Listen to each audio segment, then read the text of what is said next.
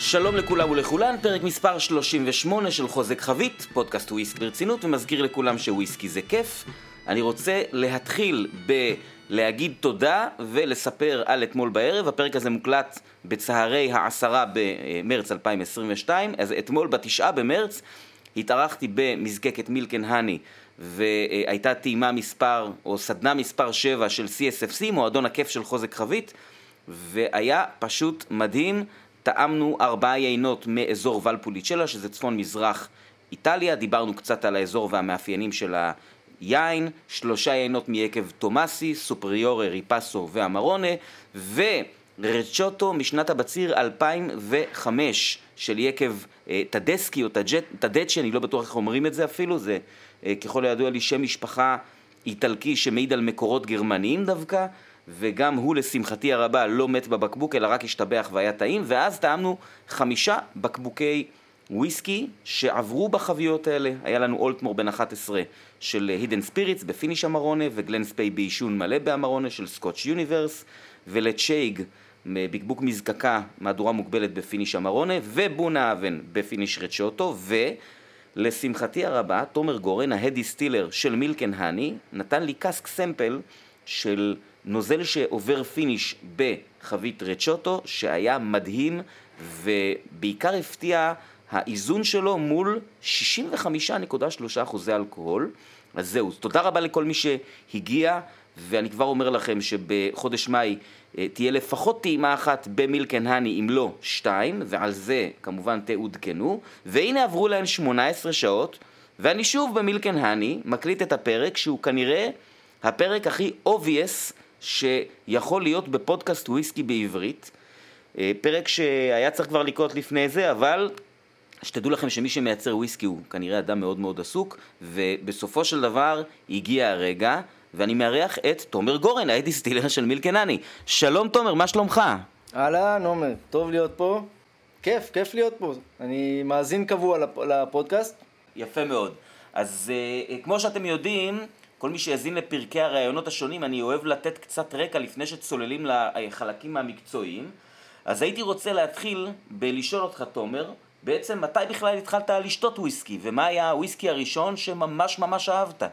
תראה, זה ממש טיפה אחרי הצבא, התחלתי לנהל את הפאב בקיבוץ, אני מקיבוץ עין שמר, והגוס פאב, פאב שנפתח על ידי שני צעירים בקיבוץ, התחלתי לנהל אותו אחריהם. ובעצם זה, זה היה הכניסה שלי לעולם הוויסקי, אה, אי שם לפני 20 פלוס שנה, אה, ומאז אני מתפתח עוד ועוד בעולם. בין לבין היה לי בנוסף לגוס גם אה, פאב באזור תעשייה עמק חפר שנקרא בירמינגהם, שנסגר בינתיים, וזהו, שם התחלתי בעצם לשתות וויסקי. רגע, הגוס עדיין פתוח? הגוס פתוח עם בעלים שונה לחלוטין, עם אותו שם בחדרה, אה, אבל לא קשור אליי בכלל. אוקיי, ומה היה הוויסקי הראשון שטעמת, שאמרת לעצמך, וואו, איזה, מה זה הדבר הזה? אז uh, האמת שזה נראה לי היה טליסקר 10 פשוט, שעד היום אני מאוד מאוד אוהב לשתות, זה אחד הוויסקים האהובים עליי.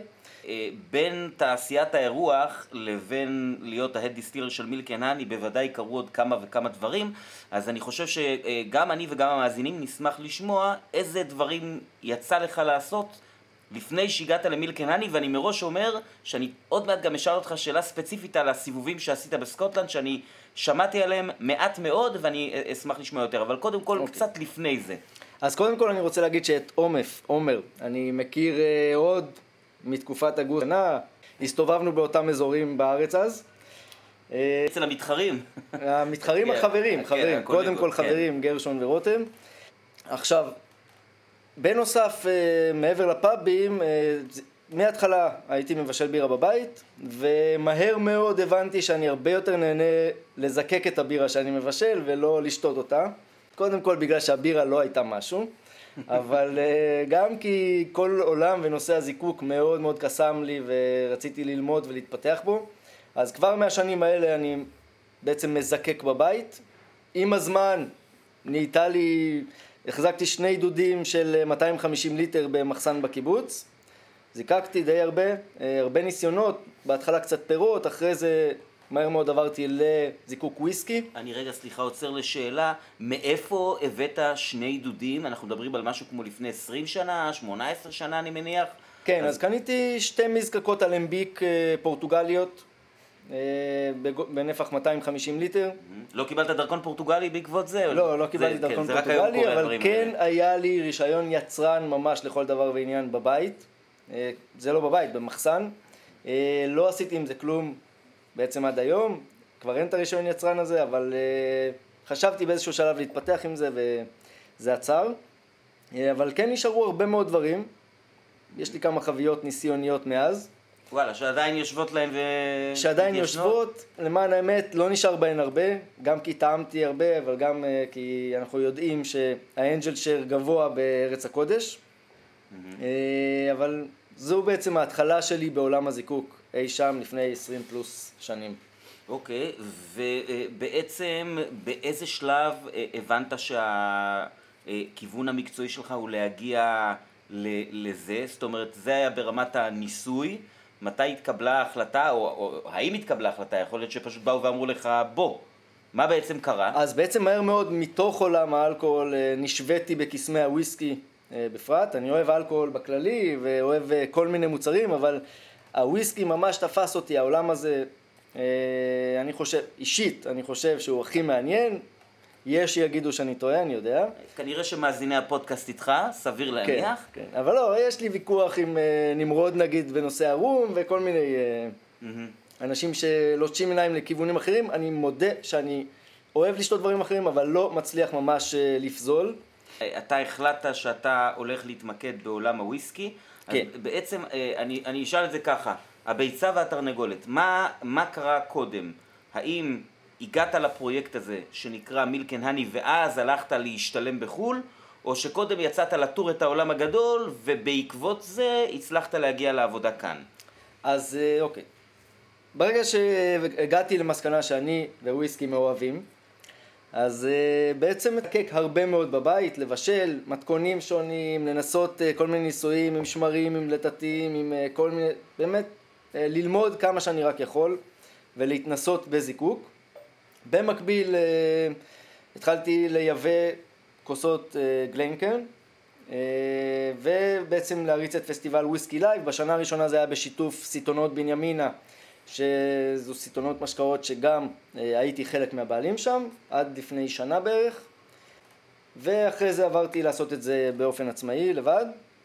אז פסטיבל Whisky Live גם אה, יש לי נגיעה בו. ה Whisky Live הראשון היה 2014? כן. אוקיי. על הכיפאק, וזז, אה, היה בדובנוב אם אני זוכר, השניים הראשונים היו כן. בדובנוב, אה, אחרי זה היה לנו שנה, הייתה לנו שנה אחת ב... אה, בן אביגדור, בן אביגדור, 22, ואז בעצם עברנו, זזנו למיקום הנוכחי, לעזריאלי. כש... אני אשמח שתשאל אותי שאלות גם על זה, כי אני מודע לכל הביקורות שיש על התערוכת וויסקי הזו בארץ, יש לי תשובה להכל. אני הייתי ב Whisky Live, אני חושב, חוץ מ... אה, לא האחרון ולא זה שלפניו, אחד לפני זה, זאת אומרת האחרון לפני הקורונה, אני חושב שהייתי אה, בכולם, בשלושה הראשונים בוודאות, ובעזריאל הייתי של, ש, ש, פעמיים או שלוש. ואת מה שלי היה להגיד אמרתי בפודקאסט, אני חושב שוויסקי זה כיף, ואני התעסקתי במה שהיה אה, לדעתי טוב, ואני גם כן מודע לביקורות, אה, האמת היא שמכיוון שלא הייתי נגיד במתחם ה-VIP אף פעם, אז אני לא יודע, זאת אומרת, אני לא יכול להתחבר לזה כי אני באמת באמת לא יודע.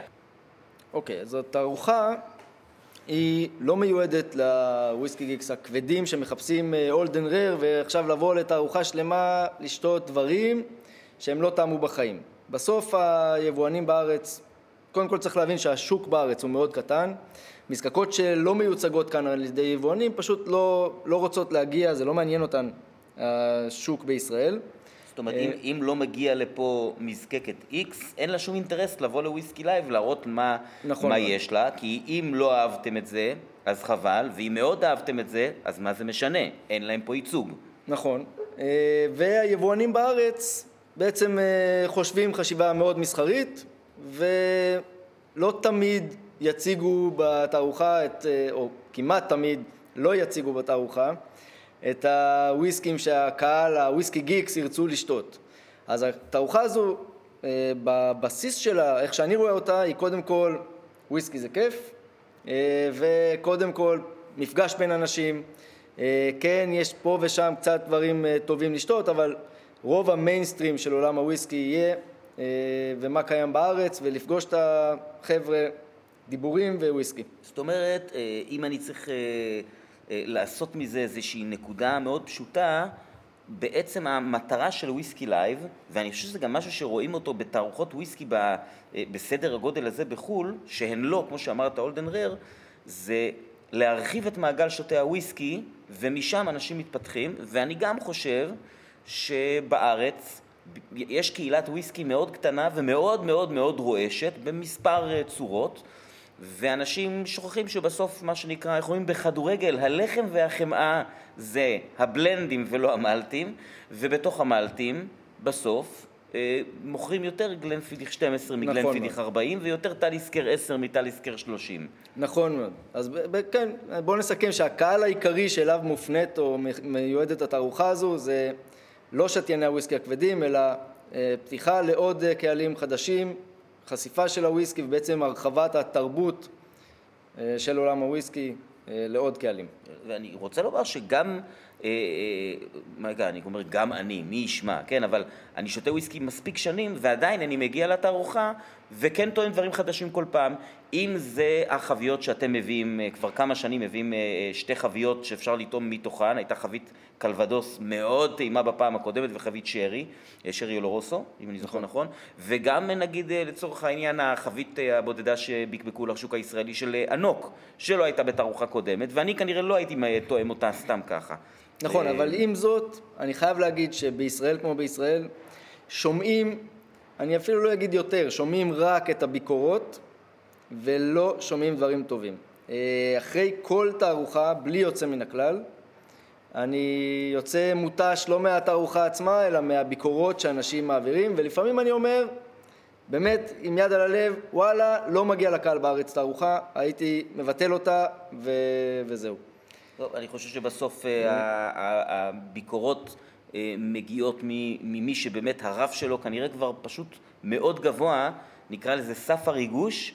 אני גם חושב שזה משהו שקורה, זה תהליך נורא מהיר היום. זאת אומרת, לי לקח המון המון שנים להגיע למצב, נגיד שאני, מעניין אותי עכשיו אה, להשקיע איזה סכום כסף גדול ולטעום איזה, נגיד, לא יודע מה, אה, אתה בקבקת, אה, אה, מה זה, הפורט אלן אה, מאוד מאוד כן. מבוגר, אז יש היום אנשים ששותים וויסקי חצי שנה וזהו.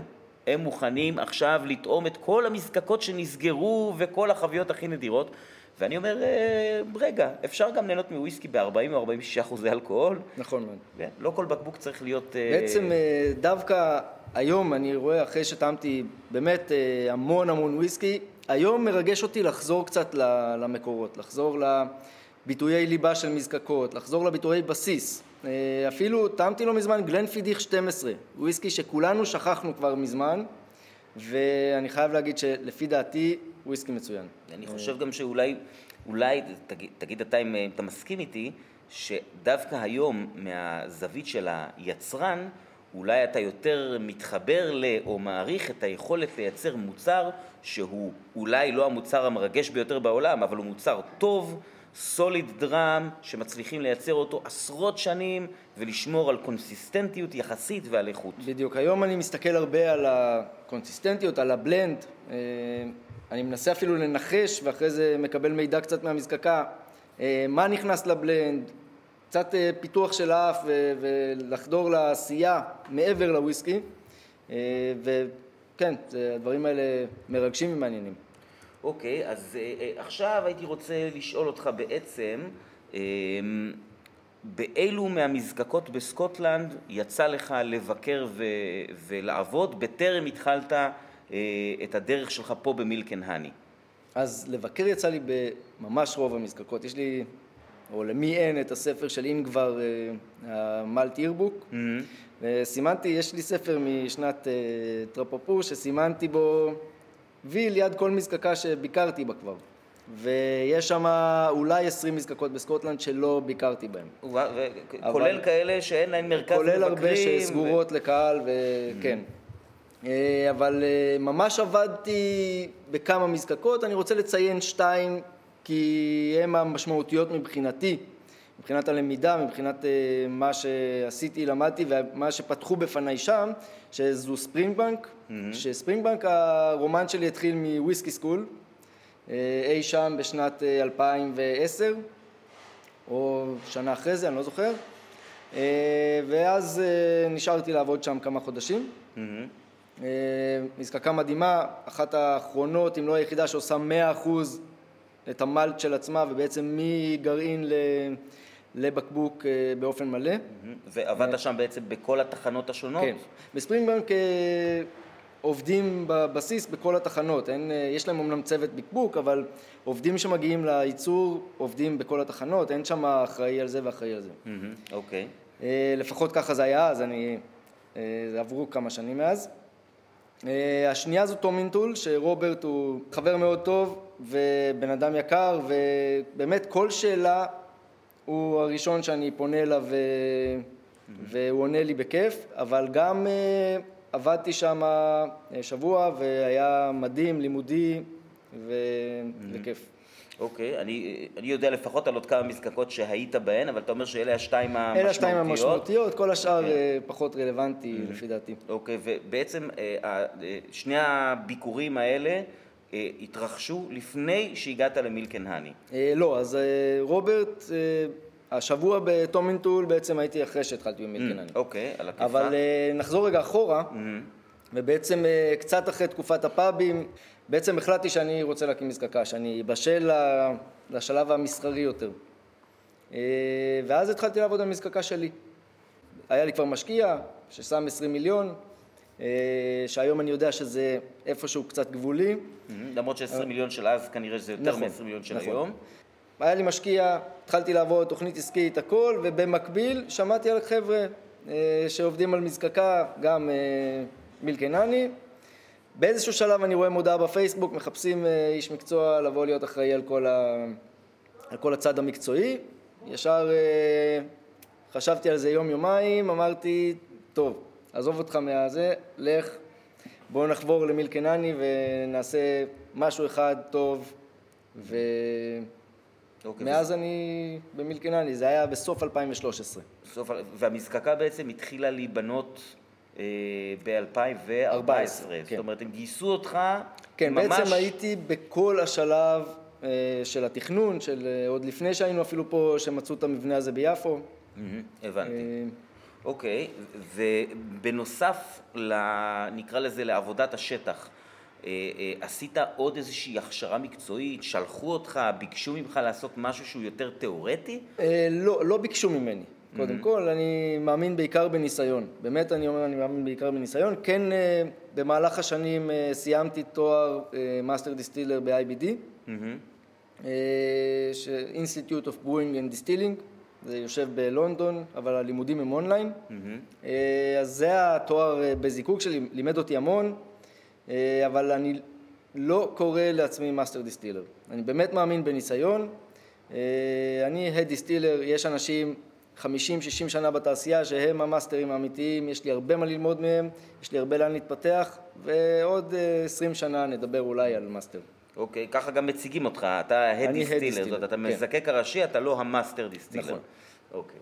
אמ, אז בעצם, אה, היות שאתה חלק מהצוות הזה שהקים את המזקקה מההתחלה, אז מעניין אותי לשמוע בעצם על איזה החלטות היו שאתה אה, היית חלק מהן, ואיזה החלטות היו שהן החלטות, אה, נקרא לזה, שמגיעות מלמעלה, שהן לא, אפילו, זה לא דרג מקצועי, זה נקרא לזה דרג אה, אסטרטגי נגיד. למשל, כשרות. אני מניח שלהיות כשרים זה משהו שמחליטים אותו מאוד מאוד מהר ולא על הדרך באיזה פגישה. כן, אז קודם כל, כל ההחלטות המקצועיות הייתי חלק מהן במילקנני. הגעתי בשלב מאוד מאוד מוקדם, עוד לפני שהתקבלו אי אלו החלטות, אלא יותר חיפשו מקום ו... עבדו על תוכנית עסקית מאוד מאוד כללית, אה, אז ההחלטות המקצועיות הייתי חלק מהן מההתחלה.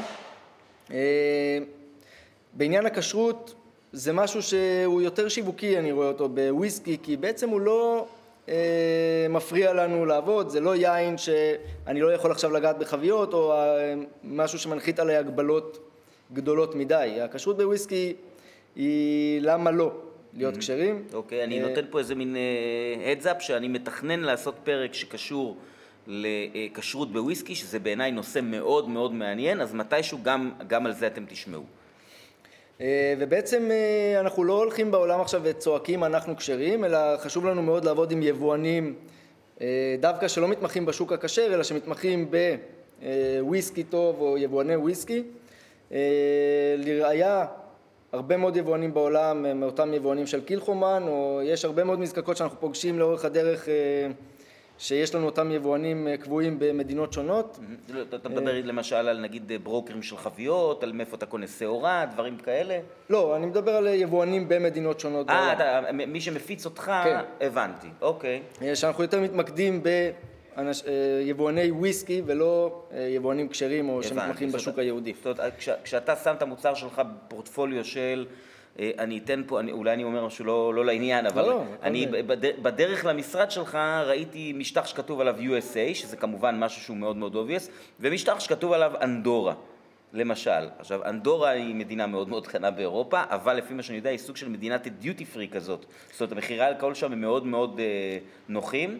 אז כן. כשאתה אז... נכנס להיות בפורטפוליו של מישהו שמביא וויסקי לאנדורה, כנראה שהוא מביא גם וויסקי אה, נוסף ולא מביא... זה מישהו מביא... אה, שמתמחה ביבוא וויסקי, מזקקות קטנות, מזקקות גדולות, לא משנה, אבל אה, יבואן שבמהות שלו הוא יבואן וויסקי ולא לאו דווקא יבואן של מוצרים כשרים. Mm-hmm. כמו שנגיד בארצות הברית אפשר למצוא הרבה, אבל לנו חשוב לא לעמוד בסוף במדף בסופר עם המוצרים הכשרים בפינה בצד, אלא כן לקבל את הבמה ולקבל את הפרונט איפה שנמצאים כל הוויסקים הטובים, כי חשוב לנו להיות בעצם מוערכים בגלל הטיב או האיכות של הוויסקי ולא בגלל זה שהוא כשר. היהודים הם אה, שם, הם חשובים לנו, הם מוצאים אותנו בכל מקרה, לא משנה מי מביא אותנו. הבנתי. אז... אה, אוקיי, אז אה, אה, אני אתן לך דוגמה לשאלה שמאוד מעניינת אותי. אה, למשל, אה, החלטה על ה-DNA של הנוזל. אה, דברים שאני גם אחרי זה אני אשמח לשמוע על למשל עם איזה שמרים עובדים ואורך של תסיסה וכן הלאה וכן הלאה. אז בעצם יש החלטה של כיוון שרוצים ללכת ואתה צריך להוציא את זה לפועל, אה, אז אני מניח שבהוצאה לפועל זה מאה אחוז אתה.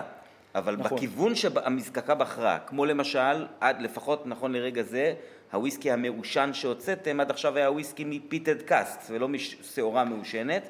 אוקיי, למרות שלפי כן, מה שאני אה, זוכר יש... כל ההחלטות, גם של מתכון, גם של... אה, אפילו, הייתי שותף לבניית הפורטפוליו של המזקקה, הייתי שותף להכל, באמת ברמה המקצועית זה הכל אה, החלטות שלי. כן בהתחלה היה לנו את אה, דוקטור ג'ים סואן. או, זה אחת השאלות הבאות שלי. אה, עבדנו איתו מההתחלה ובעצם פיתחנו את המתכון ביחד איתו, המתכון ההתחלתי, אה, אבל בלי שום קשר אני אוהב ניסויים, אני אוהב לנסות כל דבר, אם זה בחביות בעיקר, כי עיקר העבודה אין מה לעשות, זה עבודת אה, wood management.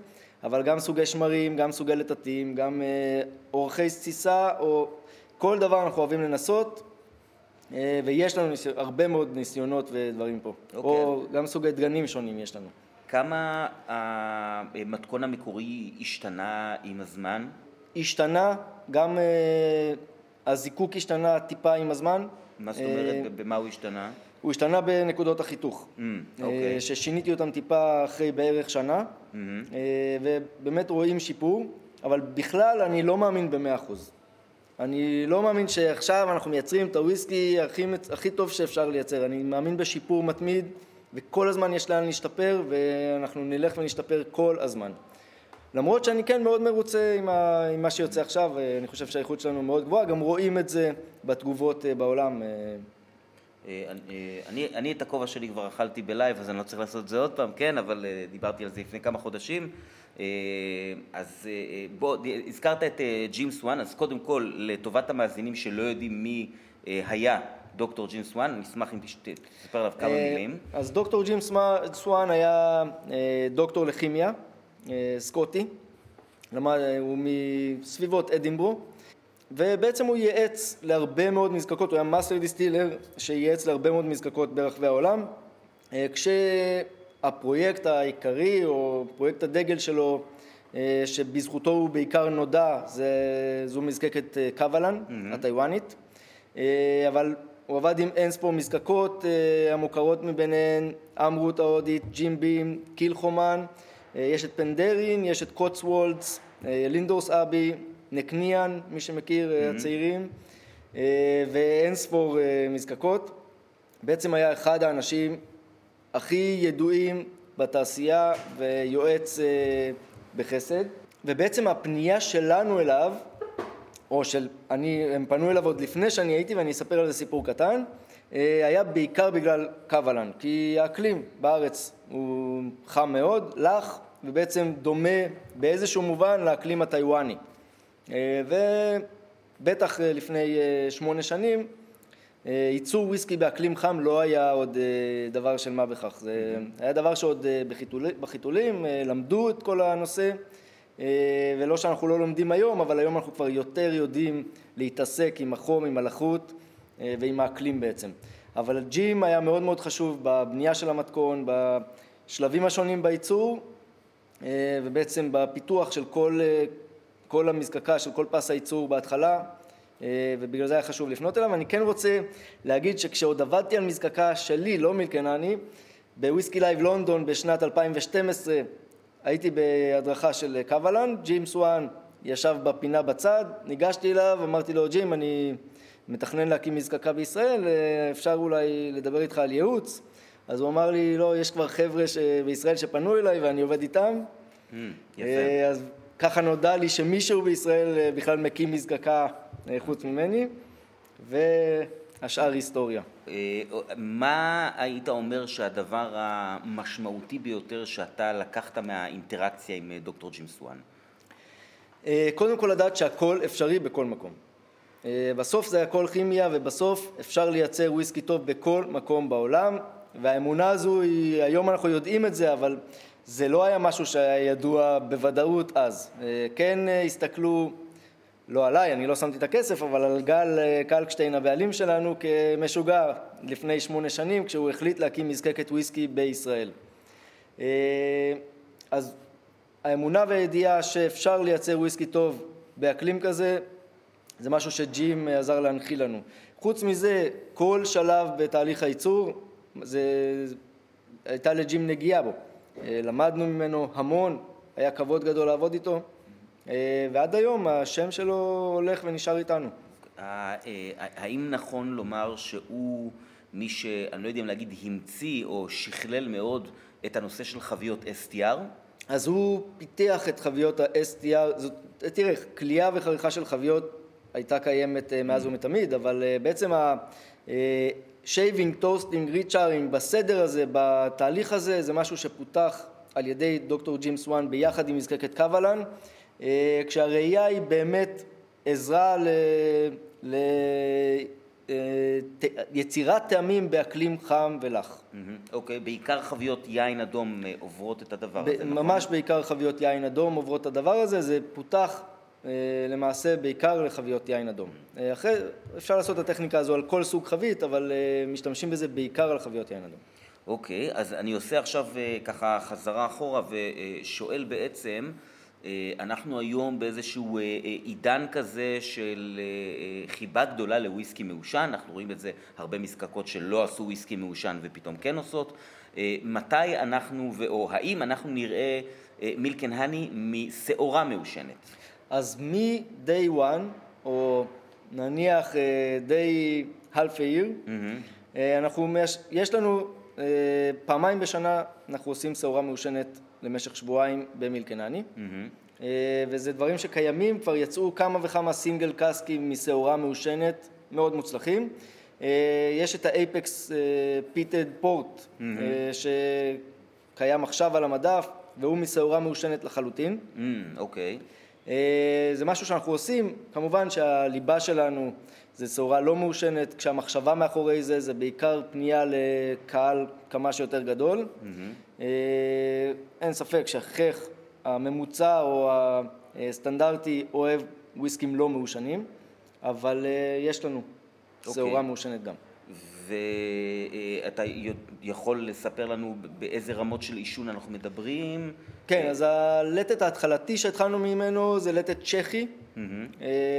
ברמה של 25 ppm. אוקיי. היום אנחנו עובדים עם לטת אה, אנגלי ברמה של 40 ppm. אוקיי, ואתם, אני מניח שאתה מודד גם ppm בנוזל, זה משהו שאתה מוכן לספר לנו עליו? אנחנו לא מודדים ppm בנוזל, אני אוקיי. תואם. אוקיי. וברמת הטעם... גם אחרי 40 ppm, בגלל שהחיתוך שלנו מאוד מאוד גבוה, mm-hmm. אנחנו עדיין חותכים בקרוב ל-70% גם את ה-new make המעושן. קרוב ל-70% מלמטה. כן. Mm-hmm. עדיין, אני יכול להגיד שה-ppm בטעם הוא בסביבות ה-25-30 mm, okay. אוקיי. גג.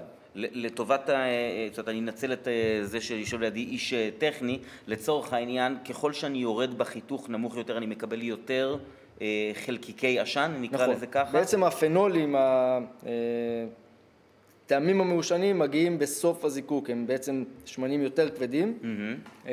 ככה שככל שנמשוך את הזיקוק יותר, אז נקבל יותר עשן. הבנתי. זאת אומרת, מי שחותך, ב... מעושן. נגיד אם היית חותך ב-65%, היית מקבל נכון. עוד יותר טעמים. אבל פנולים או הרבה מאוד שמנים כבדים שיגיעו ביחד עם זה, יצטרכו יותר מאוחר הרבה אוקסידציה בחבית. Mm. עכשיו, אני יודע שאני לא הולך ליישן את זה לתקופה ארוכה, זה אומר שאני אהיה בבעיה אם אני אחתוך נמוך מדי.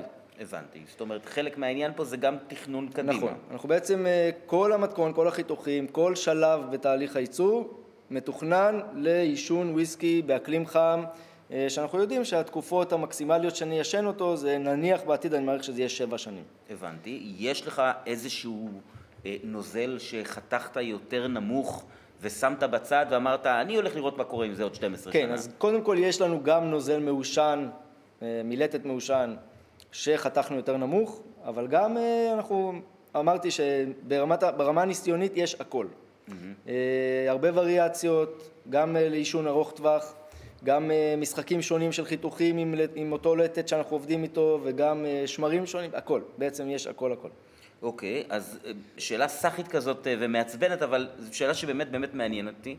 בסופו של דבר, האדם, המאזין הסביר שומע עכשיו, חושב שאתה קם בבוקר, בא למזקקה ופשוט אה, תואם מלא חביות וכו' וכו'. איך באמת נראה היום שלך כשאתה מגיע למזקקה? כי אני מניח שיש לא מעט עבודות שהן די כן. פשוטות. אז קודם כל אני לא לבד, יש לי היום 11 אה, עובדי ייצור מדהימים, אה, ואנחנו צוות ופועלים כצוות ועובדים כצוות גם ברמה אה, של ההחלטות. אני לא מחליט שום דבר לבד ויש איתי צוות שהוא איתי לחלוטין. שהם כולם הוכשרו אצלך או שמישהו הגיע מבחוץ עם ב- איזשהו ידע? בדרך כלל אני מעדיף אנשים חסרי ניסיון לחלוטין. וואלה. לעצב אותם אצלי כי גם אני לא, אין, החשיבה שלי היא לא סטנדרטית. ו...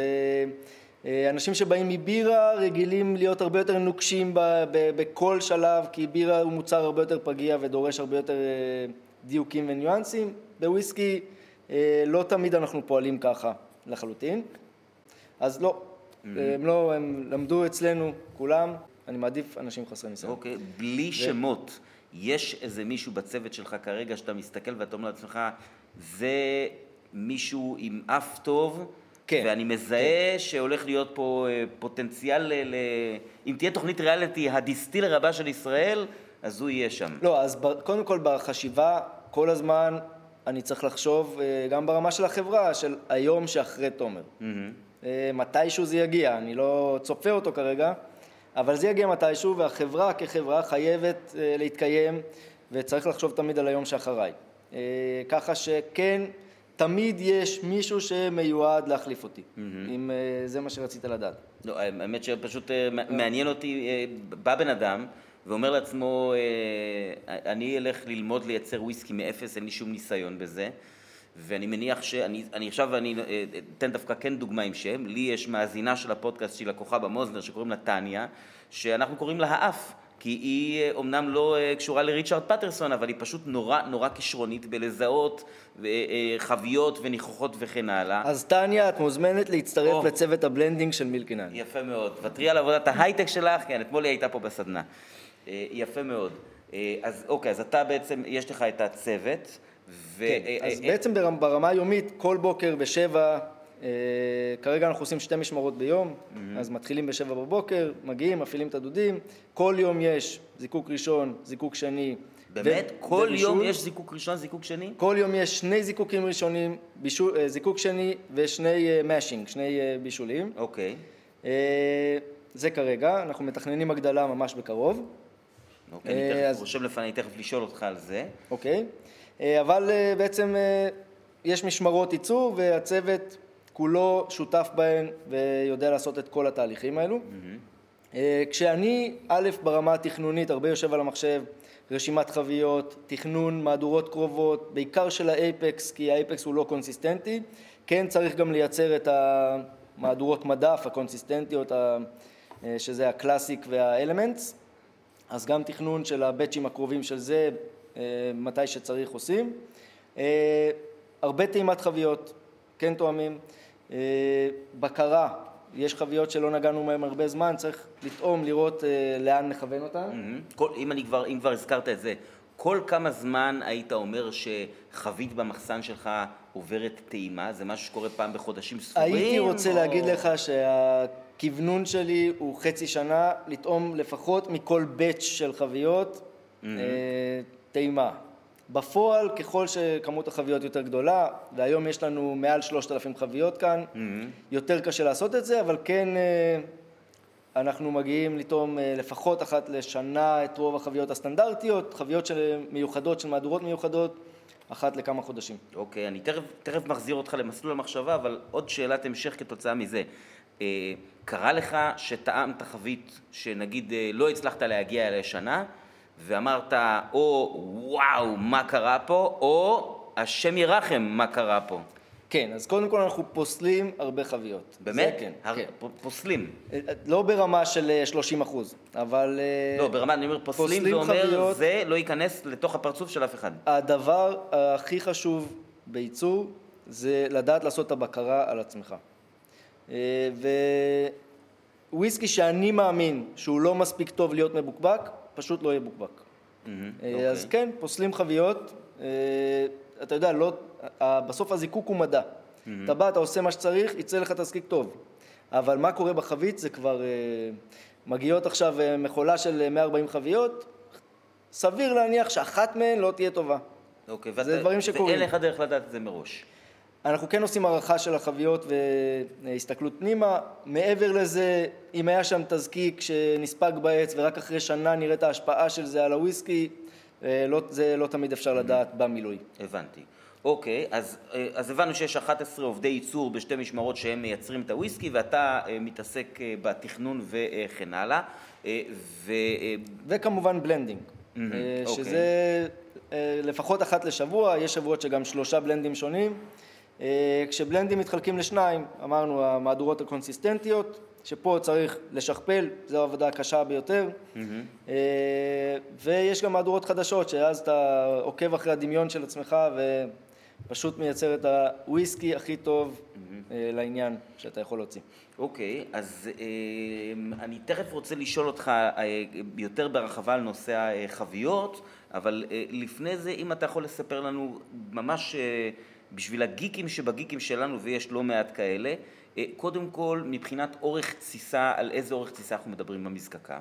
אוקיי, okay, אז אנחנו לא עובדים סופי שבוע, ובעצם יש לנו תסיסה שתוססת בסופי שבוע. אז בעצם אמרנו שאנחנו מייצרים חמישה ימים, כל יום שתי תסיסות, כשהתסיסות של רביעי וחמישי ממשיכות ל-72 שעות, mm-hmm. רביעי לראשון, חמישי לשני. אוקיי. Okay. מעבר לזה התסיסות של ראשון עד שלישי תוססות 48 שעות, mm-hmm. אבל בסופו של דבר הכל מתערבב במכל של ה low wines ויש לנו איזה מוצר קונסיסטנטי שבחלקו תסס 72 שעות ובחלקו תסס 48 שעות. הבנתי, זאת לצורך העניין, מה שנכ... זאת ה low wines הוא ה low wines, אין לך, כן. אתה לא מייצר שני low wines שונים, אחד מהתסיסה הזאת נכון. ואחד מהתסיסה הזאת. בסופו של דבר זה ה low wines הבסיסי של המזקקה, אוקיי. אה, בגלל מה... זה אנחנו גם אומרים עד 72 שעות. הבנתי, מה, אה, מה חוזקו של ה low wines? ה low wines יוצא אחרי זיקוק שני, אה, low wines. low wines, כן. low wines יוצא אחרי זיקוק ראשון ב-33 אחוזי אלכוהול. אוקיי, שזה די גבוה ל low wines, זה די לא? גבוה, אנחנו בעצם מגיעים לבירה ל wash של אה, כ-7-8 אחוזים, ואז אוקיי. בעצם אה, מזקקים איזה זיקוק ראשון, 33 אחוזים. אוקיי, וה new make חוזקו? וה new make אחרי זיקוק שני, חוזקו 73 אחוזים, mm-hmm, שזה אוקיי. גם גבוה, אבל כאן אה, זה בגלל שאנחנו חותכים מאוד גבוה. הקאטים שלנו ב new make הרגיל הם בין 80 ל-70 אחוז. כן, זה גבוה. זה גבוה מאוד. Mm-hmm. אם נסתכל על סקוטלנד, אז אה, ממוצע זה בסביבות 60 וקצת. Mm-hmm, אוקיי. זאת אומרת, ככל הידוע לי, ה cut הוא לרוב cut של עשרה אחוזים, אבל אצלך פשוט התקרה והרצפה נכון. זזו למעלה כמה מעלות. נכון, כשבעצם הרעיון מאחורי זה, זה שב-70 אחוז אני כן מקבל הרבה מאוד ניואנסים מהמתכון ההתחלתי, אבל עדיין אני לא רוצה הרבה feints, אה, הרבה אה, מחלק הזנב שייכנס לי לתוך make, בגלל ש-feints יצטרך אחרי זה oxidation מאוד מאוד גבוהה או oxidation מסיבית בחביות. אוקיי. כדי להיעלם או כדי להתעדן. הבנתי, ואתם כרגע עדיין עם שני דודי זיקוק. אוקיי, כרגע אנחנו עם שני דודי זיקוק, נכון. ויש תוכנית להרחיב את מספר הדודים בטווח הזמן הקרוב? החוזה שלנו פה, במבנה הזה, נגמר עוד כחמש שנים, ואז נצטרך כנראה, עוד לא בטוח, לצאת מתל אביב. וכשנרחיב, אז כנראה נרחיב גם, אה, נשכפל את הדודים לעוד זוג. הבנתי, אוקיי, אבל אה, אתה נותן לנו פה מבזק חדשות, שבעוד חמש שנים כנראה שהמזקקה תשנה את מיקומה? זהו, זה עוד לא סגור ולא ידוע, אבל אה, מתישהו נצטרך לזוז מהמבנה הזה, הוא נרכש על ידי אה, קרן השקעה מאוד גדולה, אה, והתוכנית שלהם זה לא להשאיר פה מזקקה, אלא לבנות אה, מסחר ומגורים, mm. style שרונה מרקט, אה, לעשות כסף, אוקיי, בקיצור. הבנתי. אה, אוקיי, אז עכשיו בואו רגע נעבור לנושא החביות. ובעצם היום אפשר לומר שיש למילק&האני להבנתי, אה, נקרא לזה שלושה ליינים של ייצור. הליין הראשון הוא ה-core range שזה ה-Classic וה-Elements, הליין השני זה אה, סדרת ה-Apex אה, שאני בכל פעם מחדש נהנה מדברים שאתם מוציאים, אני חושב שחוץ מעט נדמה לי 6 ו-7 שזה היה US exclusive, את כל השאר טעמתי ואהבתי הם היו בפודקאסט בכמה פינות טעימה, בדגש על זה בחביות קוניאק שהיה פשוט מדהים, אה, ו... אה, ואפשר לומר שהליין השלישי זה כל מיני מהדורות מיוחדות, נגיד חביות בודדות, אני לשמחתי בחרתי חבית אקס ארטבג לדרך היין שהייתה ממש ממש טעימה, אבל אפשר לראות גם אה, הרבה חנויות בחו"ל שיש לכם חביות כן. בודדות, אז בעצם קודם כל בתוך הדבר הזה, מה עיקר החביות מבין שלושת אלפים חביות שאנחנו דרך אגב כרגע יושבים מוקפים בהן? כמובן שעיקר החביות זה חביות ex-bourbon, כ-80% מהחביות במזקקה, mm-hmm. 75-80%, תלוי כמה התפרעתי עם הרכישה של החביות המיוחדות. באמת, עד כדי כך הרבה? כי אני כאילו חשבתי שה-ex-bourbon וה-STR יהיו פחות או יותר אותה... לא, לא, לא, אז okay. okay. ממש אה, כל ה-core range מבוסס על חביות ex-bourbon. אני, אם נחזור רגע לפילוסופיה שלי, אה, בייצור וויסקי אני מאמין בעיקר בחביות ex-bourbon. Okay. Okay. אני חושב שהן נותנות ביטוי מדהים ל-new make, לא משנה איזה new make, חביות ex-bourbon הן כמו בד לבן, כמו canvas. Mm-hmm. הן נותנות ביטוי למה שהמזקק או המבשל לפני זה רצה אה, להגיד, או למתכון. ומכאן אפשר לקחת את זה ב-blending לכל מקום אחר, להשתמש יותר בחביות ex-bourbon, פחות, אבל הקוריין שלנו מבוסס על חביות ex-bourbon אה, ו-STR, כש-STR תופסות בסביבות 15 עד 20 אחוז משאר החביות, mm-hmm. וכל השאר זה מיוחדות. okay, okay, אה, אז אה, כשאתה אומר מיוחדות, גם בתוך ה... אוקיי, סליחה, אני אקח שאלה אחורה. האם בתוך חביות ה-ex-bourbon גם נכללות חביות peated cask, זאת אומרת חביות שעברו לפני זה באיילה? זה חלק אה, מה... זה או לא, לא. שאותן אתה מסווג כמיוחדות. חביות ex-Islay מסווגות כחביות ex-Islay. הבנתי. לא ex-bourbon. נכון שהן היו לפני כן ex-bourbon, אבל אני מסתכל על השימוש האחרון לפני מילק&האני. גם חביות ex-Islay, כמו חביות ex-bourbon, שממולאות פעם ראשונה במילק&האני, הן נקראות אצלי first fill. Okay. אה, ואז בעצם אה, גם ה-fillים הם נספרים רק פה במילק&האני, או במזקקה. אז בעצם יש לך גם בחביות הבודדות וגם ב-core range אה, ביטויים בחביות איילה וזה עדיין יחסית כמות מועטה של חביות ביחס נכון, לכלל. נכון, כי בעצם גם נגיד אם ניקח את ה-Elements Peated, גם הוא מבוסס כ-50% ex-bourbon STR, mm-hmm. ואז ה-50% הנותר זה ex-bourbon עם peated barley שלנו, mm-hmm. וחביות ex-Islay. הבנתי. okay. Okay. כשאני מאוד אוהב את השילוב, את המשחק בין שני סוגי peat בביטוי אחד, אני חושב שהוא נותן מורכבות מאוד מעניינת, ממש ביטוי שאני אוהב. אני אשאל שאלה, אולי היא קצת חצופה, אבל כשאני טעמתי לראשונה את, סדרת ה-Elements, אהבתי את האקס יין מאוד, ואת השאר קצת פחות, ועברו, עבר באץ' או שניים, והצורה הכי פשוטה להגיד את זה, עבר בית של שניים ואני מחזיק את כל הסדרה הזאת בבר שלי. אז בעצם, איך אתה יכול להסביר לי בתור צרכן, עזוב עכשיו אה, יושב איתך ומראיין אותך, אני יושב בבר ומזמין, אני הולך לקנות וקונה, איך המוצר אה, כל כך השתפר, אני מניח שאתה אהבת אותו מחדש, מההתחלה, למרות, לא, אתה לא היית מוציא אותו, אבל המוצר, מה קורה בעצם? דיברתי על שיפור מתמיד ויש שיפור מתמיד. כל הזמן, גם אם תטעם עוד חודש, יש שיפור. אה, כל מהדורה יותר טובה מהקודמת. ביום שזה לא יהיה, אני פורש הצידה וחבר'ה תעשו עבודה טכנית. אז איך זה בעצם אה, קורה? שיפור בתהליכים לפני שלוש שנים, או בעצם שיפור מתמיד בתהליכי עבודה, בתהליכי הבלנד, בכל ניואנס הכי קטן במזקקה. אתה אה, חושב שגם אתה מצליח להביא היום חביות יותר טובות? יותר אבל ויותר? חשוב לי להגיד, עומר, שעדיין הקונסיסטנטיות בסדרת האלמנטס, ואנחנו בודקים את זה אחורה, היא קיימת. אני, אה, אני, אני ממש ממש מסכים איתך, היא פשוט, פשוט היה, הייתה שם היה שיפור, קפיצה ב, כן. באיכות. יכול להיות שאני גם אה, אולי אה, לא טעמתי... לא, גם האף שלך הוא לא אף של שתיין ביתי פשוט. אוקיי. אתה ספציפית, כמובן שגם רוב מאזיני הפוד. אז כן, יש אנשים שיש להם אף מאוד מאוד רגיש, יוכלו לזהות שינויים בין ה-batchים השונים בסדרה, בסדרות של ה-core range. אה, אבל הרעיון הוא כן לשפר, עדיין שמי שטעם את ה-Classic לפני שנה, שלא יזכור אה, וואלה זה היה שונה לחלוטין. זה אמור להיות מוצר קונסיסטנטי על המדף. okay, okay, וסדרת ה-Apex, זה משהו שתכננתם אותו מאוד מראש, או שהצלחת להשיג כמה חביות מעניינות ואמרת יאללה בואו נעשה ניסוי, נראה מה קורה? לא, אז כל הפורטפוליו כמו שהוא היום, כרגע עם Classic Elements Apex, זה משהו שתכננתי ממש אה, מההתחלה. Okay. הוא אוקיי. התעבה ועוצב ביחד עם השיווק פה. אה, יש לנו מנהלת שיווק מדהימה, דנה, mm-hmm. והיא ידעה לקחת את השיגעונות שלי או את המחשבות שלי ובאמת לתרגם את זה למוצר, לנראות.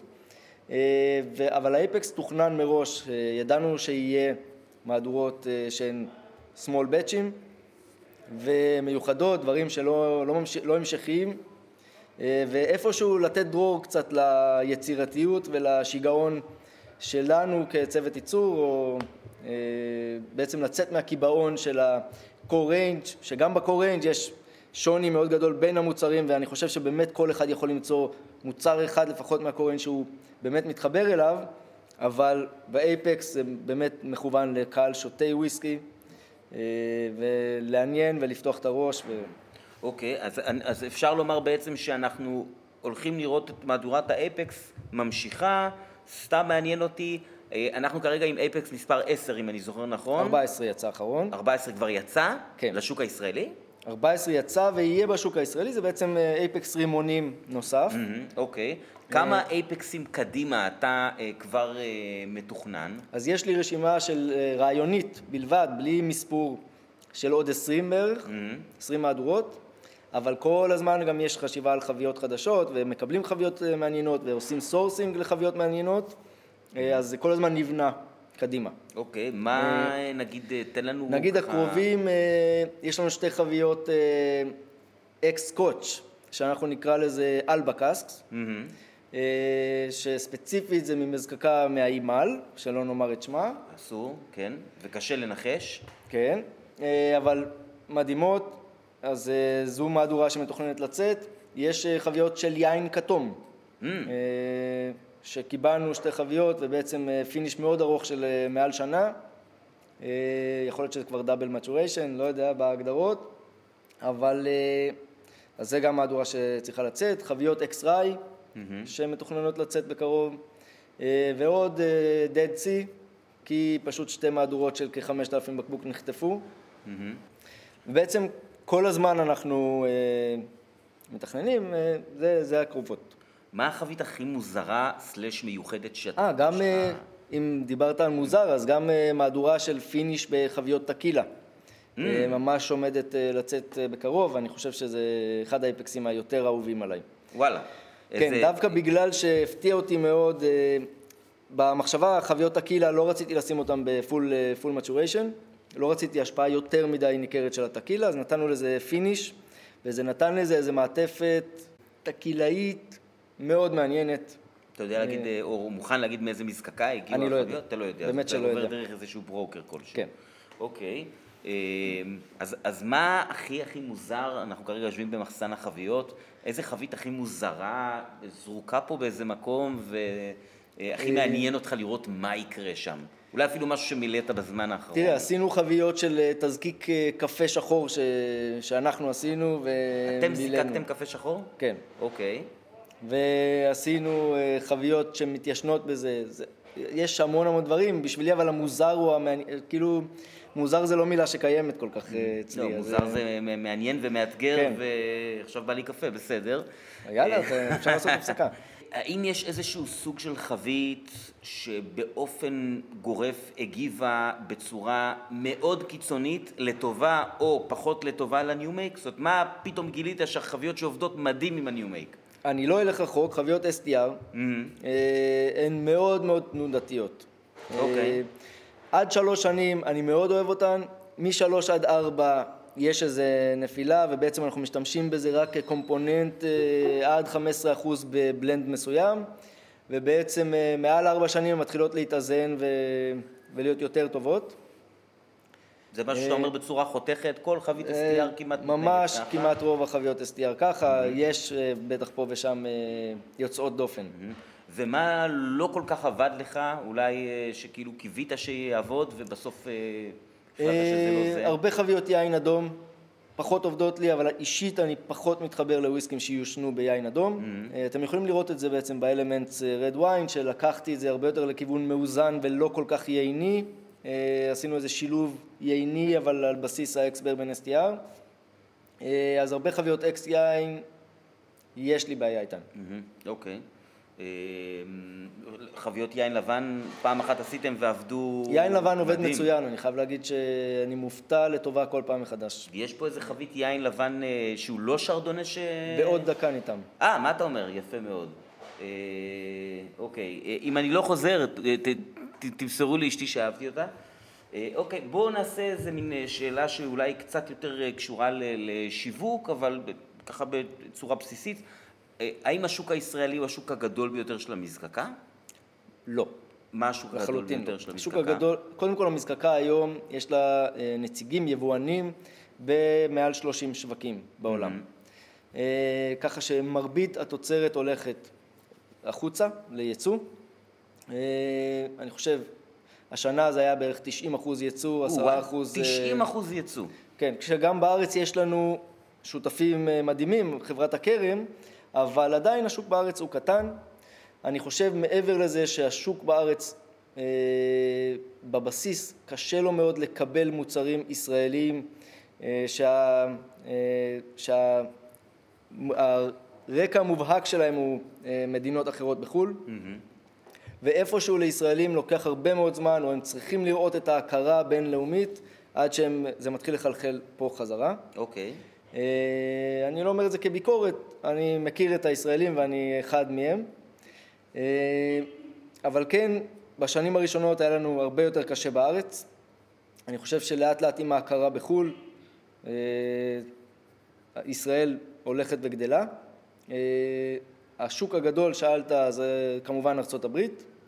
שכמה שאנחנו מוכרים לשם יחסית הרבה ביחס לתוצרת שלנו, עדיין הגדילה שם היא אינסופית, אה, אפשר לגדול ולהתפתח שם, גם שם יש לנו אה, שותפים מדהימים. מי זה אימפקס? אימפקס, אימפקס בברידג'ס. אוקיי, למי שלא מכיר, זאת אה, נקרא לזה סוכנות יבוא מתמחה. בהחלט, מביאים גם את קילחומן, אני נכון. מביאים את קילחומן, מביאים פנדרין, mm-hmm. מביאים הרבה מזקקות מצוינות. איפה עוד נגיד, אה, נגיד אחרי הברית, תן לי עוד איזה שני שווקים אז עולמיים. אז אירופה יש לנו שני שווקים יחסית גדולים, זה גרמניה, הולנד. שהם שווקי וויסקי מאוד מאוד נכון. טובים כשלעצמם, בלי קשר. נכון, ואנחנו מקבלים ביקורות מדהימות שם וגם המכירות טובות. אנגליה, להפתעתנו, צומחת יפה, אנחנו היום חברנו יחד למזקקת פנדרין, שמפיצה אותנו באנגליה, mm, בכל UK. מי שלא מכיר, פנדרין מזקקה מווילס שלא מביאים אותה לארץ, אה, לפחות ככל הידוע לי. בקרוב לפי דעתי, כן. כן, מה אתה אומר? אוקיי, חדשות. אה, ממש בקרוב צריך נראה לי להיות פנדרין בארץ. Mm-hmm. כשפנדרין גם מזקקה שחווינו לאורך ההיסטוריה של השיפור ניכר, אני חושב שהיום הוויסקים שלה, אני מאוד אוהב אותם. בהתחלה מודה שהיה לי קצת בעייתיות עם הוויסקים. טעמתי לפני לא מעט אה, שנים, ואני מודה שלא כל כך, אה, לא, לא כל כך התחברתי, אבל באמת לא חזרתי. לא, אז אני ממליץ אה, לך, או בכלל לכל מי שטעם פנדרין ופחות התחבר, ממליץ לכם לטעום את המוצרים שיוצאים היום, הם לא פחות ממצוינים. אוקיי. האם יש איזשהו שוק שפנה אליכם והחלטתם שאתם לא רוצים להיות שם, או שאתם כרגע במצב שאתם לא יכולים לפתוח עוד אה, שווקים חדשים בגלל הייצור. כן, אז שנה, ש... זה קרה לנו בעיקר אה, סוף שנה שעברה, שפשוט לא היה לנו מה למכור.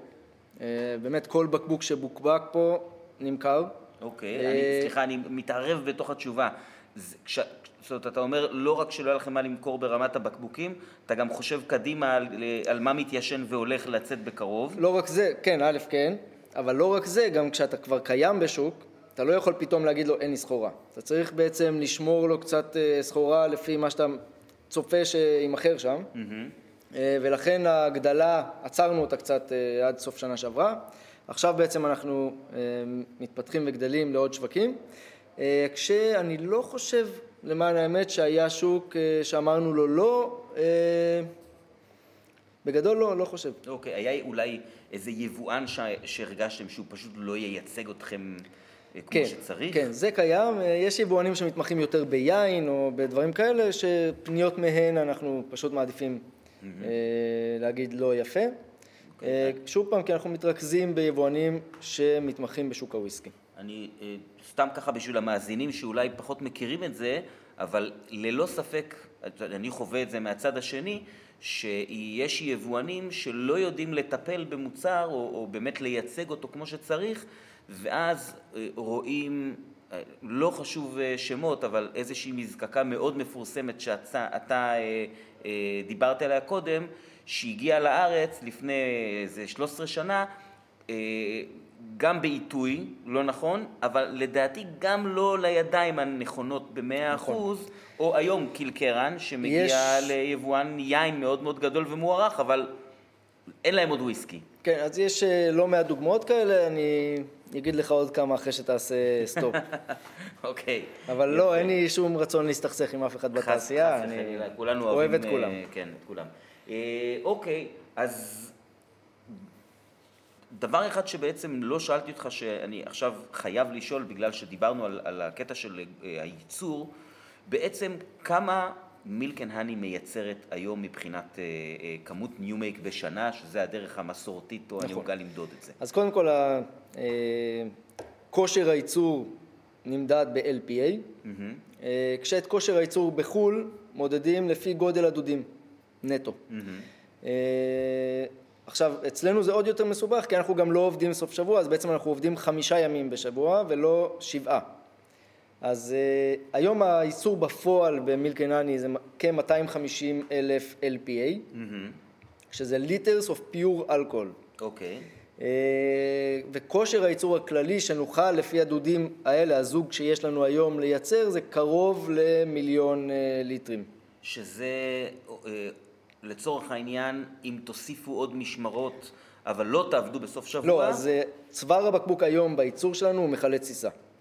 הבנתי. אנחנו יכולים להוסיף עוד שני מכלי תסיסה כרגע, כדי עדיין שהמשטון יוכל אה, להתאים, לספק את כל הביקוש לכל מכלי התסיסה האלו.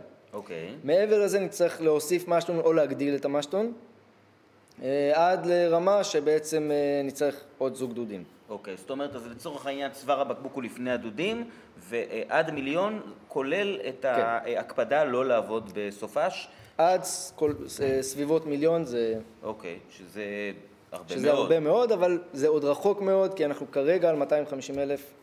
אה, יש צפי לגדילה לסביבות 300 אה, בשנה הקרובה נגיד. אוקיי. מעבר לזה, מאוד תלוי, אה, כל שנה מחשבים מסלול, בטח בשנים האחרונות שכל העולם משתגע וגם שוק הוויסקי נכנס לטלטלות מאוד גדולות, אה, אז החישובים הם ממש על בסיס שנתי, אה, מה אנחנו, איך אנחנו רוצים לגדול בשנה הקרובה. אז אם כבר הזכרת את זה, אז נגיד אה, אני בתור צרכן גם בבר וגם לסדנאות וגם שאני קונה הביתה, בהחלט יותר מדי. אז האם גם מהזווית שלכם כיצרן אתם חווים איזושהי עליית מחירים? ומעניין אותי למה היא קשורה, למשל, יש היום הרבה יותר מזקקות וויסקי, אני מניח שאולי התחרות על חביות היא יותר גדולה. אז לפני שנדבר בכלל על עליית מחירים הצפויה בלטטים בגלל המלחמה ב... בין רוסיה, רוסיה לאוקראינה, נכון? אה, וצפויה עלייה בטוח, כי שתיהן ספקיות אה, של דגנים מאוד מאוד גדולות. אה, חביות ברבן, השנה יש מחסור מאוד מאוד גדול, המחירים עלו. לטטים, בגלל כל תקופת הקורונה והשינויים, עלה. בקבוקים עלה, השינויים אה, עולים פי שתיים. בעצם אין, אין אה, רכיב אחד או חומר גלם אחד במוצר שלא עלו לו המחירים, אה, בממוצע ב-10 עד 15 אחוזים. אז בעצם אנחנו עתידים לראות את עליית המחירים אה, אה, אצלכם בעוד נגיד שנתיים שלוש, או שזה משהו שאין ברירה וצריך לעשות אותו אה, אה, התחלנו מהלך? של עליית מחירים, גם עם המפיץ שלנו בארץ, עם הכרם. אה, אנחנו מאוד משתדלים לעלות ברמה מאוד מאוד אה, סבירה, כדי שאפילו, יכול, יש מקומות בעולם לפחות שהצרכן אפילו לא מרגיש את זה. אוקיי, זאת אומרת מה שנקרא בדרך לצרכן, כן. לכל זה. תוסיף גם את אה, התחזקות השקל, שאנחנו כיצואנים זה קטסטרופלי בשבילנו. אה, סתם, נעשה חישוב מהיר מהיר על רגל אחת. אה, כשהתחלנו למכור לארה"ב, הדולר היה קרוב לארבע. הדולר עכשיו יותר קרוב לשלוש מאשר לארבע. זה אומר שעל כל הזמנה, על כל מכולה שיוצאת לארה"ב, אנחנו מפסידים אוטומטית רק בגלל שהחוזה שלנו נחתם בדולר לפני, אה, לפני אה, כמה שנים, בסביבות 100 אלף שקל. אז נכון שיש סעיפים של אה, שינוי ערך מטבע וזה, אבל כשאתה עובד עם, אה, עם יבואן שהוא ממש שותף במדינה מסוימת, אתה מאוד נזהר לא להעלות מחירים אה, על פי חוזה, אלא לעשות איתו את המהלכים האלה לאט ונכון. אני לשמחתי חוויתי את זה מהצד השני, שהייתה עכשיו עליית מחירים בפברואר של כל הקטלוג של אה, חברת הכרם, שזה המפיץ המקומי שלכם והספק העיקרי אה, שלי, שהם ממש שותפים לדרך כבר אה, שבע וחצי שנים במוזנר, לפני זה שעבדתי בננוצ'קה, עבדתי איתם, אה, ולמרות עליית המחירים, בא אה, אה, לב, שאוט אאוט ללב, אה, ואמר לי שלמרות שהייתה עליית מחירים, הוא יעשה מה שצריך כדי שאני אוכל להמשיך למכור מילקן האני במדף ה-39 במוזנר. אז זה סתם אני ככה מספר למאזינים שלפעמים לא ערים לזה שמאחורי הקלעים אה, יש איזושהי שרשרת כזאת ש- עם הרבה שיקולים כלכליים, ובסוף עליית מחירים היא לא דבר שמישהו כן. פשוט מחליט אה, שרירותית. אה, אוקיי, אז אה, עם העיניים לעתיד, דיברנו על, של, נקרא לזה שלושה ליינים של אה, ייצור, core range, אה, אייפקסים וחביות אה, בודדות, האם אנחנו עתידים לראות תוספת, אה, אם זה לאלמנטס, או לאייפקס ואמרנו שכן, או אולי איזושהי סדרה חדשה שאתה עובד עליה? אז גם מתוכנן, אה, מתוכננת עוד מהדורה אה, לאלמנטס, בעצם האלמנט הרביעי, אה, שאני עוד שוקל איזה חביות זה יהיה, יש אה, כמה רעיונות, אה, סתם אה, STR או אולי חביות פורט ישראלי, אה, אז בעצם גם לזה אני, אנחנו מתכננים תוספת. רגע, אני עושה פה איזה אה, סוגסטיה, יין לבן, חביות יין לבן. אם הייתי מקבל אספקה אה, מספקת של חביות יין לבן, הייתי מכניס את זה בכיף ל... ל- למה זה. כל כך בעייתי? בעצם עושים הרי לא מעט יין לבן בארץ, ויש לא. מספיק ממנו שעובר בחביות. יש, אבל תסתכל על היחסים, יש הרבה פחות חביות יין לבן זה ברור. מאשר יין אדום, ופשוט מאוד קשה להשיג. אוקיי. וגם כשמשיגים, אפילו מהיקבים הגדולים בארץ, זה כמות שהיא לא מספקת לאלמנטס, אלא 4-5 חביות שהולכות אה, לסדרת האייפקס. אוקיי. וסדרה חדשה לחלוטין. אז כן, בעוד חוד... חודש או חודשיים אנחנו נשיק סדרה שנקראת and Crafts, mm-hmm. שכל שנה תתמקד בסוגי חביות שונים, כשהשנה המיקוד הוא בחביות בירה. אוקיי, הרבה יפה. שיתופי פעולה עם מבשלות ישראליות בעיקר. כשהראשונות בעצם בירות שיושנו, תמיד זה בירות שמיושנות בחביות מילקנני, ובעצם החביות חוזרות אלינו לעישון של וויסקי. אז השנה אנחנו נוציא שתי מהדורות ראשונות של chocolate stout של שפירא, mm-hmm. ובירה IPA של הדיקטטור, ז"ל. Mm-hmm. הדיקטטור שמסתובב עכשיו פה במזקקה. כן. אז אלו שתי המהדורות הראשונות. וזאת סדרה שבעצם מבחינת נקרא לזה התכיפות וההיקף שלה צפויה להיות משהו בסגנון של ה Apex. לא, אז uh, המחיר יהיה איפשהו בין ה Elements ל Apex, אוקיי. פחות מה Apex. וברמת הכמויות גם כן מהדורות של uh, מאות, מאות או קצת יותר מזה בקבוקים? עד אלף בקבוק, uh, זה רוב הבקבוקים. תגיד, יש, יש אספני מילקנהני היום? יש כזה יש כאלה? כמה. יש כמה? יש כמה, כן. אוקיי, חוץ ממך?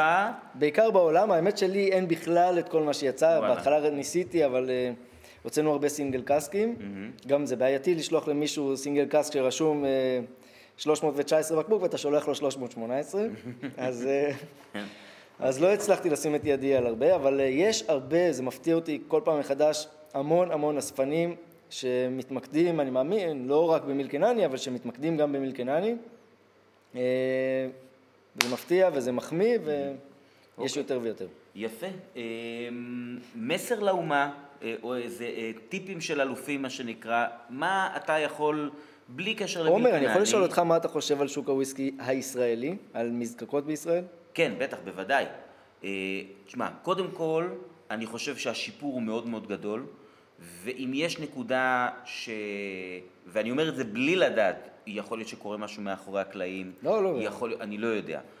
אבל אני חושב שמה שלי חסר, ואולי זאת אמירה כללית על השוק הישראלי באשר הוא, בלי קשר לוויסקי ובלי קשר לאלכוהול, זה נושא של אה, תקינה. הייתי ממש ממש שמח לראות שמישהו, אם זה במכון אה, התקנים או במשרד הכלכלה או אני לא יודע, אה, בא ומייצר איזשהו תקן אחיד, כי לדעתי הדברים האלה רק יוסיפו ל... נקרא לזה להילה של המוצר או ליוקרה שלו אה, אני לא יודע היום אם אה, נעשים מהלכים כאלה, אני גם לא יודע אם יש דבר כזה, נגיד סתם למשל, אה, לא יודע, באנגליה אנחנו רואים יותר ויותר מזקקות. האם לא, יש חוק אנגלי? אני לא יודע אם יש חוק אנגלי. אנגליה ממש עכשיו העבירו תקינה, mm, אוקיי. חוק אנגלי לוויסקי אנגלי. אני מתפרץ לדלת פתוחה, אוקיי. ובעצם אנחנו, צריך ללמוד מבעלי ניסיון, ואנחנו רואים את היפנים שהתעוררו הרבה מאוחר מדי, mm-hmm. ו... יש להם בעיה היום עם אה, מה יכול להיקרא וויסקי יפני ובעיקר עם האינפלציה של אה, הוויסקי היפני הלא תקין mm-hmm. שקיים בשוק. אני חושב שאתה צודק, חייבים בשנים הקרובות לעשות פה תקינה לוויסקי ישראלי, לקטגוריות השונות של וויסקי ישראלי אה, ובעצם להחליט מה יכול או יוכל להיקרא וויסקי ישראלי ואנחנו על זה. אוקיי, זה חשוב מאוד כדי לשמר את הקטגוריה. זה משהו שאתם מעורבים בצורה אקטיבית? כן, חשוב מאוד לשמור על הקטגוריה בעתיד, ככל שהיא תגדל זה יהיה יותר בעייתי. אני, זאת אומרת, אני מסתכל על זה ואומר לעצמי, אני לא מאמין שיהיה מישהו שאו יעשה כמו ביפן ויביא וויסקי ממקום מקום אחר כדי לבקבק אותו פה, וגם נראה לי, כמו, נשמע לי כמו התאבדות כלכלית שמישהו יבוא ויטרח להכין וויסקי ישראלי, זאת מזקקה בסדר גודל גדול, שלא יהיה מוצר טוב. זאת חייב להיות מוצר, הוא לא חייב להיות מדהים, כן? אבל הוא לא, הוא לא יכול להיות גרוע כי כל כך יקר לעשות פה עסקים, ש... ובכל אז זאת... אני חולק עליך. אוקיי, אה, ספר לי. כי חש... זה לא... אפשר, מאוד, אפשר בהרבה מאוד דרכים לקלקל את המוצר, mm-hmm. אה, אבל אני חושב שחשוב להקפיד על זה שהוויסקי הישראלי שיוצא יהיה טוב, אה, וזו נקודה חשובה לכל היצרנים בארץ, כי בסופו של דבר כשמישהו ישתה בחו"ל וויסקי ישראלי, והוא לא יהיה טוב, זה יפגע בכל הקטגוריה. Mm-hmm. גם בי וגם בכל יצרן אחר. כי מבחינת הבן אדם הזה, וויסקי ישראלי זה... הערך שלו ייפגע. Mm-hmm. אתה, אתה בקשר עם, עם המזקקים ביתיים שונים שאתה חושב שיעשו מהלך ויזוזו הלאה זאת לשוק הגדול ויתחילו באמת לייצר? אז אני מכיר כמה וכמה מזקקות שבתהליכי עבודה. Mm-hmm. אה, היו לי גם בקשות לייעוץ שאני היום לא יכול לעשות בגלל שאני במילקנני, אבל אה, אני כן מקווה ורוצה להאמין שיקומו פה עוד ועוד מזקקות. אני חושב שיש מקום לעוד מזקקות אה, ולקטגוריה בכלל של וויסקי ישראלי לפרוח. כן יש לי בקשה לקהל, mm-hmm. אה, לכל המאזינים ולכל שתייני הוויסקי בארץ. אתם לא חייבים לאהוב רק מזקקה ישראלית אחת, זה בסדר לאהוב כמה. אני נתקל המון המון, יותר מדי, באנשים שאוהבים או את זה או את זה, זה לא תחרות. יש פרגון הדדי. אה, שוב פעם, אני לא מכיר את הפרגון ההדדי, אנחנו מפרגנים מאוד לכל השאר, אני ממש מאמין שגם השאר מפרגנים לנו. אה, ואיפשהו בארץ נוצרה איזה... נוצרה איזו הפרדה בין, אה, נקרא לזה במרכאות, שתי קבוצות אתניות בעולם הוויסקי, שאלה מזוהים עם אלה ואלה מזוהים עם אלה, עזבו את זה, חבר'ה, וויסקי זה כיף, בואו נשתה וויסקי, יש פה הרבה מאוד מוצרים טובים מהרבה מזקקות, או לא הרבה, אבל יהיו הרבה, ופרגנו לתעשייה מקומית, כן, אל תפחדו גם להגיד פחות אהבתי, אבל בבסיס תהיו פתוחים לכולם, אה, זה בקשה שלי, אני... אוקיי, אה, well, אה, זהו, well rephrased, על הכיפאק. אז אנחנו, האמת שאני לא, לא, לא יודע כמה אנחנו מקליטים, כי היו לנו פה כמה הפרעות, אבל אנחנו בוודאות באזור השעה. אז, אז אני אבקש רק לסיום, אנחנו עכשיו חוזרים לזה שאתה, בלי קשר למילקן האני, איש וויסקי מאוד ותיק, שהיה במלא מזקקות וטעמת כנראה דברים שרוב האנשים אה, רק אה, יחלמו לטעום אותם. אני חושב שזה משהו שמאפיין היום הרבה חבר'ה שמצטרפים לדרך הזאת בשנה, שנתיים, שלוש האחרונות, ופתאום מגלים שהיום לטעום, אה, לא יודע, יש כל כך הרבה דוגמאות בראש, דברים שאנחנו פעם טעמנו די בקלות ובזול, זה נורא נורא קשה היום. טיפ לשתיין מתחיל, או שתיין מתחיל מתקדם, משהו שאתה חושב שכל אחד צריך לדעת. אז אה, לא לדעת, אבל טיפ, אה, הרבה טעימות עיוורות. Mm. אני באמת מאמין בטעימות עיוורות. אה, תעשו כמה שיותר כאלה, ויותר מזה, לא רק לטעום טעימה עיוורת ואהבתי, לא אהבתי, תנסו לרשום אפילו רשמי טעימה או לגבש מחשבות לגבי הוויסקי, ואז כן, אחרי שגיבשתם, ללכת ולקרוא על הוויסקי הזה בכמה מקורות שונים באינטרנט, מידע לא חסר, ובעצם אה, לראות איפה אתם, לנסות לפתח את החוש טעם אה, ואת העניין סביב הוויסקי, אבל טעימות עיוורות, תנטרלו את כל המחשבות ואת הדעות הקדומות אה, מסביב על כל מה שאתם שותים, ובאמת תגיעו להבנה אם אתם אוהבים או לא אוהבים את המשקה. יפה, אני, כמו שכל מי שהיה בסדנה שלי יודע שאני לא יכול להסכים יותר, אני תמיד עושה טעימות עיוורות, מאוד מאוד מאוד מאמין בזה. אה, וזהו, יפה מאוד. אז אני רוצה להגיד תודה רבה לתומר גורן שהתארח פה, או שאני התארחתי אצלו בפרק, כן, אני, נעלה איזושהי תמונה או משהו, אני פשוט יושב בחדר כן. מלא חביות, אה, שזה כיף גדול, אה, ומזקקה שאני שמח להתארח בה כל פעם מחדש, להגיע לבקר, תמיד אתה שולף איזה שפן מהכובע ואני טועם עוד משהו שאני אוהב.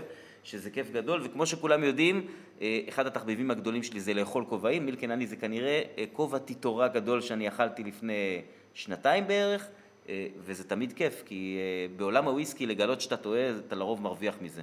תמיד. זהו. אה, אז זהו. חברים, תודה רבה רבה, ותבואו לבקר, אנחנו פה קרובים, יש לנו מרכז מבקרים, גם אם לא מרכז מבקרים, בקבוצות אפשר להשיג, להתכתב, דברו איתי, בואו לבקר. על הכיפאק, תודה רבה תומר, ותודה לכולם, להתראות, ביי.